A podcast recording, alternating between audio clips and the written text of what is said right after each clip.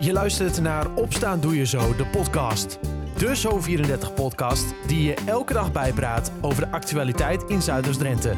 In een klein kwartier ben jij weer helemaal op de hoogte.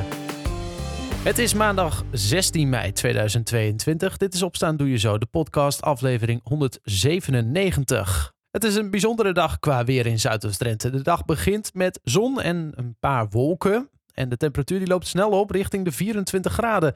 Dan net na de middag komen er buien opzetten, met onweer ook daarbij. Maar de vraag is wat er waar gaat vallen. De ene plek kan een plensbui verwachten, een andere plek misschien maar een paar spetters. En dan later in de middag, dan klaart het weer wat op en is er af en toe ook nog wat ruimte voor de zon. Koelt het wel af naar een graad of 18. Met in het nieuws in Zuidoost-Drenthe vandaag. Op internet is een petitie opgezet voor een groot DNA-verwantschapsonderzoek in de kofferbakmoord. Inmiddels hebben bijna 2000 mensen de petitie ondertekend. De initiatiefnemer van de petitie kende Ralf Meinema zelf niet, maar vindt het belangrijk dat er een match wordt gevonden van het nog onbekende DNA. Zometeen meer nieuws uit de regio en verder in de podcast is verslaggever Janine Hofsteen op in het noorden van Drenthe, waar ze sprak met Sandra Ronde over haar initiatief De Streekboer. Maar eerst spreek ik met Jans Katenbarg. Hij is vicevoorzitter van Stichting Monument Gesneuvelde Indië-militairen in Emmen. Aanstaande woensdag wordt de 30ste herdenking al daar gehouden. Jans, wat wordt er eigenlijk precies herdacht?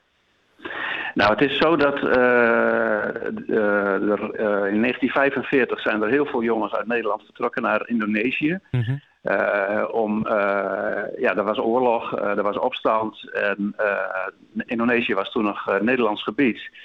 En er zijn heel veel Nederlandse militairen, bijna allemaal jongens van begin 20 jaar, vertrokken naar Indonesië. En uh, er zijn heel veel niet van teruggekomen. Ja. Die, jongens, die jongens moesten daar naartoe van de overheid. En, uh, want die dachten, de overheid dacht dat het goed was. Nou, die jongens zijn er naartoe gegaan. terwijl ze helemaal niet wisten waar ze in terechtkwamen. Nee.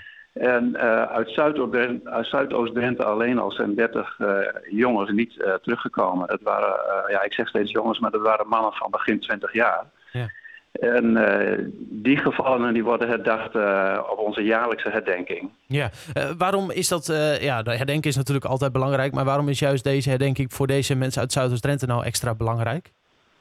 Nou ja, je moet je voorstellen dat, dat ze, deze mannen daar naartoe gingen totaal onvoorbereid.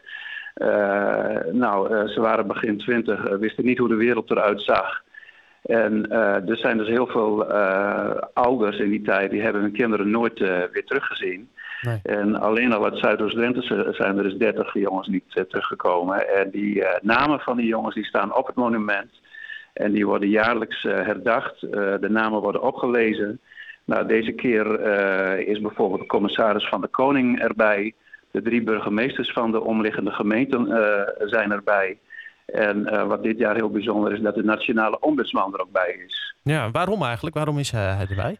Uh, nou, die, de nationale ombudsman die trekt zich heel erg het lot aan van uh, militairen... Mm -hmm. die vaak door Defensie niet heel goed behandeld worden. En, nou, dat was 50, 60, 70 jaar geleden dus ook al zo. En daar hoor je nu ook nog steeds veel dingen over. En ja, hij trekt zich het lot aan van mensen die worden uitgezonden...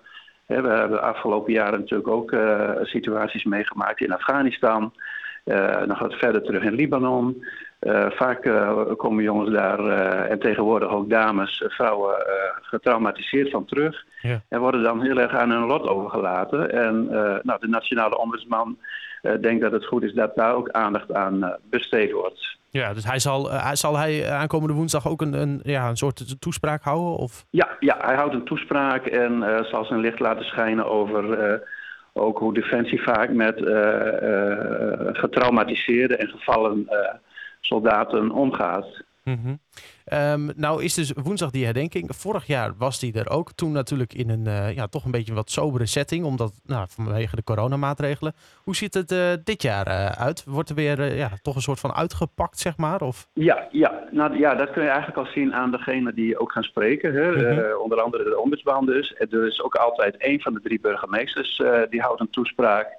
Uh, de voorzitter houdt een toespraak en uh, de herdenking is voor iedereen vrij toegankelijk. Dat is wel even goed om te zeggen. Ja. Want uh, ja, ook door corona is het natuurlijk een beetje in slop geraakt de afgelopen twee jaar. En we vinden het belangrijk dat ook de familie en de nabestaanden allemaal weten dat er weer een herdenking is aanstaande woensdag. Dus iedereen die denkt van ik heb daar familie gehad of ik wil op een andere manier eer bewijzen, die zijn allemaal van harte welkom. Het is vrij toegankelijk. Ja. Uh, je haalde hem al even aan, de voorzitter, uh, Ger Achterhof. Um, hij, uh, voor hem is het, het nou ja, de laatste keer als, als voorzitter dat hij hem bijwoont. Um, hij, een van die militairen die wel is teruggekomen, hè? Ja, ja, Ger was ook, ook iemand die op 20, nou hij was 19 zelfs toen hij daarheen ging. -hmm. En dus ja, hij is een van de laatste der Mohikanen, zeg maar. Ja die er nog is, ook in verband met zijn leeftijd natuurlijk. Maar hij is dus uh, teruggekomen. Hij had daar een soort van meer technische functie. Mhm. Dus hij hoefde niet het uh, strijdveld op. En heeft er dus uh, wel overleefd. Maar hij heeft zijn hele leven lang trauma's met zich meegedragen. En hij is dus ook de initiatiefnemer geweest van dit monument. Ja. hij, hij treedt dus terug, maar dan gaat het in de toekomst. het is niet de laatste keer deze herdenking, neem ik aan. Nee, nee. Het is zeker de bedoeling dat. Uh, kijk, we hebben natuurlijk een geweldig monument. Uh, ik denk zelfs een van de mooiste monumenten van uh, Emmen. Mhm. voor iedereen de moeite waard om een keer te gaan kijken. Het is aan de hoofdstraat bij het Insulinderplantsoen, zoals je al zei. En het is waarschijnlijk de bedoeling, of het is de bedoeling, dat ik Gerop ga volgen als voorzitter. Ja, woensdag om half drie dan begint de herdenking ter hoogte van het Insulindeplein aan de Wilhelminastraat in Emmen. Iedereen is uiteraard van harte uitgenodigd. Zometeen in de podcast hoor je over de streekboer. Na het laatste nieuws uit Zuidoost-Drenthe. Op internet is een petitie opgezet voor een groot DNA-verwantschapsonderzoek in de kofferbakmoord. Inmiddels hebben bijna 2000 mensen de petitie ondertekend.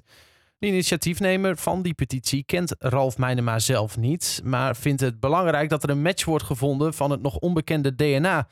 Dat DNA zat op een frisdrankflesje dat tussen de middenconsole en het gaspedaal van de auto was geklemd. De auto kon hierdoor het water inrijden. Of de petitie een DNA-onderzoek af kan dwingen, weet de initiatiefnemer niet. Een trein kwam gisteren aan het einde van de middag in botsing met een automobilist bij de spoorwegovergang op de Van Skykweg in Emmen. Een ambulance en brandweer kwam ter plaatse. Hoe het met de betrokkenen is, is niet duidelijk. Het treinverkeer werd stilgelegd en de weg werd in beide richtingen afgesloten. Tot laat in de avond reden er door de botsing geen treinen tussen Emmen en Koevoorde. Vredesactivist Mintjan Faber is zondag overleden. Dat meldt vredesorganisatie PAX. Mintjan Faber werd 81 jaar geleden geboren in Koevoorde. Hij werd als secretaris van het Interkerkelijk Vredesberaad bekend door het organiseren van de grote demonstraties tegen kernwapens in de jaren 80. Daarna werd hij bijzonder hoogleraar aan de Vrije Universiteit in Amsterdam en ook was hij bijzonder hoogleraar aan de universiteit in Houston in Amerika. Faber schreef vijf boeken, waaronder één over Srebrenica. En aan de burgemeester Osselaan in Schonebeek is in de nacht van zaterdag op zondag brand uitgebroken bij het kantorengebouw De Bo van de NAM. De brandweer wist het vuur te blussen, maar door de vlammen heeft het pand veel schade opgelopen. De brand zou buiten het gebouw zijn ontstaan. De oorzaak is nog onbekend. Tot zover de laatste nieuws uit de regio. Voor meer ga je naar zo34.nl of je kijkt in de Zo34-app. Melk is goed voor elk, maar niet voor de boer, want die krijgt er niet altijd genoeg geld voor, vinden ze zelf. Sandra Ronde wil daar met haar onderneming de streekboer verandering in brengen. Zij verkoopt producten van lokale boeren, zoals melk, rechtstreeks aan de klant. Dan hoef je dus niet naar de supermarkt. In Zuidoost-Drenthe is er al één zo'n punt, in Borger. Verslaggever Janine Hofstegen ging kijken bij een nieuw afvalpunt van de streekboer in Noord-Drenthe. Een krat met melkflessen zet je neer. Sandra Ronde van de Streekboer. Uh, dit is een nieuw afvalpunt, hè? Ja, dat klopt. Ja, twee weken terug hebben we hier in Tinalo bij uh, bakkerij Harms Heerlijk een uh, nieuw afvalpunt van de Streekboer geopend. Ja, en naast die, dat krat met melk ligt hier nog van alles. Brood, eieren, allerlei soorten groenten. En vanmiddag komen mensen die ophalen? Klopt, ja. ja. Met de streekboer uh, zorgen we ervoor dat je weer op een gemakkelijke manier al je producten uit de streek kunt halen.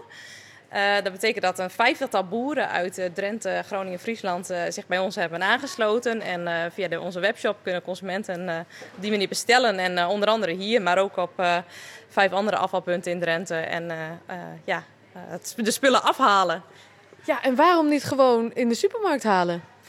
Ja, om, omdat ik van mening ben dat de manier waarop voedsel van boer bij ons op bord terechtkomt niet eerlijk is en niet deugt. Bij de supermarkt is alleen prijs eigenlijk van belang. En uh, ik vind dat voedsel zoveel meer is. Het is juist belangrijk dat we een uh, voedingsrijk product op ons bord krijgen. En dat de boer een eerlijke prijs voor zijn product krijgt. Ja, wat heb jij het idee dat de boeren zelf melkkoe zijn geworden? Ja, ja zeker. Dat zijn ze al jaren. En uh, ja, gelukkig zijn er wel veel die gezegd hebben van ik wil niet meer overgeleverd zijn aan de supermarkt en de melkfabriek. Ik ga het anders doen. Ik ga zelf verzuivelen. Ik ga zelf producten op de markt brengen, waardoor ik meer het heft in eigen hand hou, zeg maar. En uh, ja, dat omarm ik alleen maar. We moeten een systeem creëren dat uh, ook de, waar, waarbij de macht niet geconcentreerd is. Dat er niet één of twee, of in dit geval vijf spelers zijn die, die gewoon de prijs bepalen van al ons voedsel. Maar dat we dat weer gezamenlijk doen. En gezamenlijk tot eerlijke voedselprijzen komen. Ja, en dat probeer je eigenlijk met het concept de streekboer. En dat rolt nu een beetje uit over Drenthe. Ja, hebben mensen er hier al een beetje zin in? Geven ze zich op voor dit concept? Ja, ik merk dat er uh, mensen in ieder geval heel enthousiast van worden. En uh, nou ja, daar word ik ook alleen maar weer enthousiast van. En dat motiveert mij om alleen maar weer meer afvalpunten te openen. Uh, tegelijkertijd vind ik dat we nog niet genoeg impact gemaakt hebben. We zijn nu ongeveer een half jaar in Drenthe bezig. ja, iedereen in, in Drenthe moet ten eerste op een gemakkelijke manier toegang krijgen tot lokaal voedsel. Nou, dat is mijn taak als streekboer zijnde. En aan de andere kant moeten, moeten we gewoon met z'n allen ook op een andere manier onze boodschappen gaan doen. Ja. Zodat deze melk voor iedereen beschikbaar is. Zo is het. Al dus Sandra Ronde van De Streekboer. Een goed initiatief. Zoals gezegd is er voorlopig nog maar één punt van De Streekboer in Zuidoost-Drenthe. Die is te vinden in Borger. Maar zoals je hoorde in het verslag wil Sandra nog meer uitbreiden en wellicht dus ook meer punten openen in Zuidoost-Drenthe.